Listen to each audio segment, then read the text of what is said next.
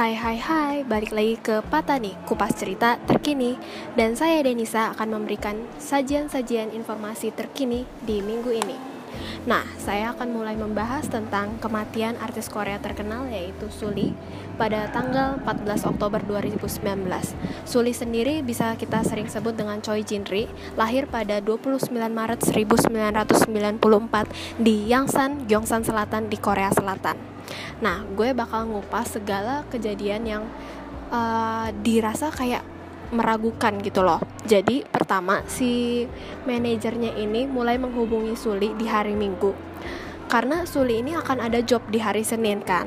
Tapi dari hari Minggu ini si Suli itu mulai kehilangan lost contact dengan manajernya karena setiap si Suli di telepon ini nggak dijawab akhirnya si manajernya pun bingung dong akhirnya dia, dia datang ke rumahnya di hari Senin pukul 15.21 setelah ditemukan oleh manajernya, ternyata ditemukan bahwa si Suli ini memang sudah tak bernyawa di rumahnya dengan cara menggantungkan diri dari lantai dua rumahnya.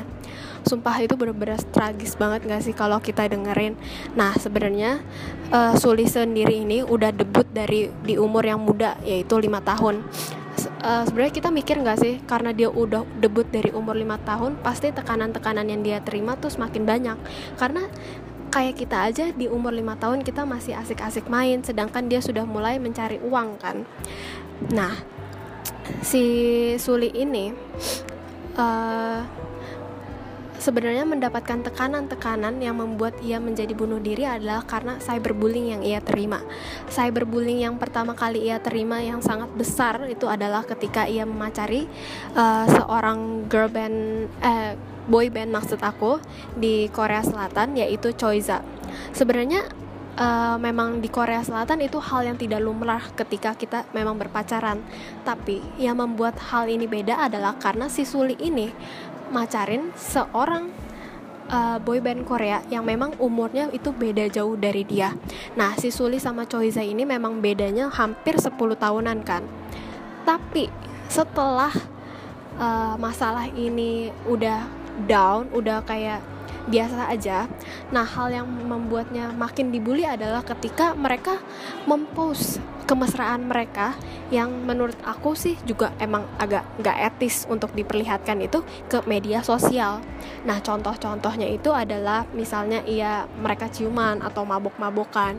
Sebenarnya menurut gue juga nggak etis sih. Lo maupun orang biasa atau artis pun itu tetap nggak etis karena kayak jadi apaan banget sih gitu loh. Nah tapi menurut gue yang jadi gue bingungin adalah ketika segala yang sesuatu dilakukan Suli adalah menjadi hal yang sangat besar. Jadi menurut gue itu apa pun yang dilakukan Suli itu adalah hal yang salah. Bahkan lu Suli pun mau nafas aja itu kayak salah gitu loh. Yang gue sampai nggak habis pikir itu ketika dia cuma menulis sa satu quotes gitu loh di pucuk daun dan dia tulis pakai bolpen dia post di Instagram. Terus hal, hal itu langsung jadi topik hangat dan semua orang langsung mencibir Suli.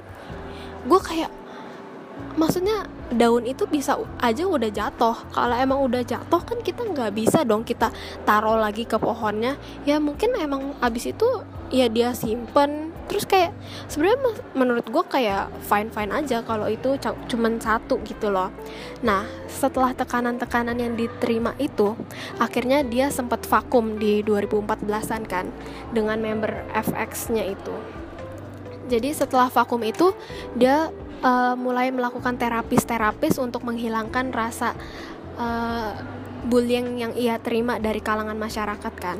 Nah, di sekitar 2017-an kan uh, mulai terlihat bahwa di Instagram live-nya itu kadang dia tuh cuma nangis, cuman diam, kayak terlihat bahwa ia semakin depresi dengan menjalankan hidupnya sebagai artis. Yang gue bingungin adalah ketika 2019 tiba-tiba ia mengeluarkan sebuah musik video Goblin. Itu gue bingung banget kan tapi gue bingung dan sekaligus seneng. Oh mungkin menurut gue dia udah mulai uh, menjalani hidupnya yang baru ia mulai sadar akan kesalahan-kesalahan yang memang ia sudah buat gitu kan. Nah yang sebenarnya gue pengen tekanin adalah bahwa sebenarnya kita tuh walaupun kita nggak suka terhadap apa yang dilakukan orang-orang sebaiknya kita diem. Apakah kita emang bisa lebih baik dari orang itu? Tentu aja enggak kan.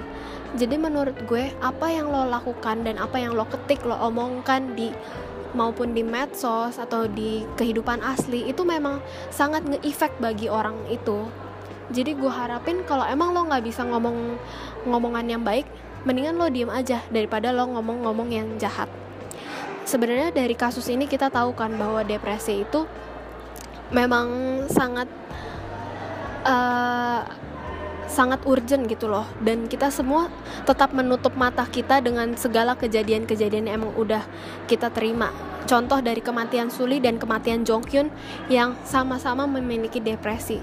Ya dengan gua harap dengan segala kejadian-kejadian ini kita semakin menjadi orang yang lebih baik yaitu dengan cara menggunakan medsos uh, dengan baik dan mulai berbicara sesopannya dan memikirkan apa yang akan kita katakan sebelum berbicara. Terima kasih. Balik lagi nanti. Bye bye.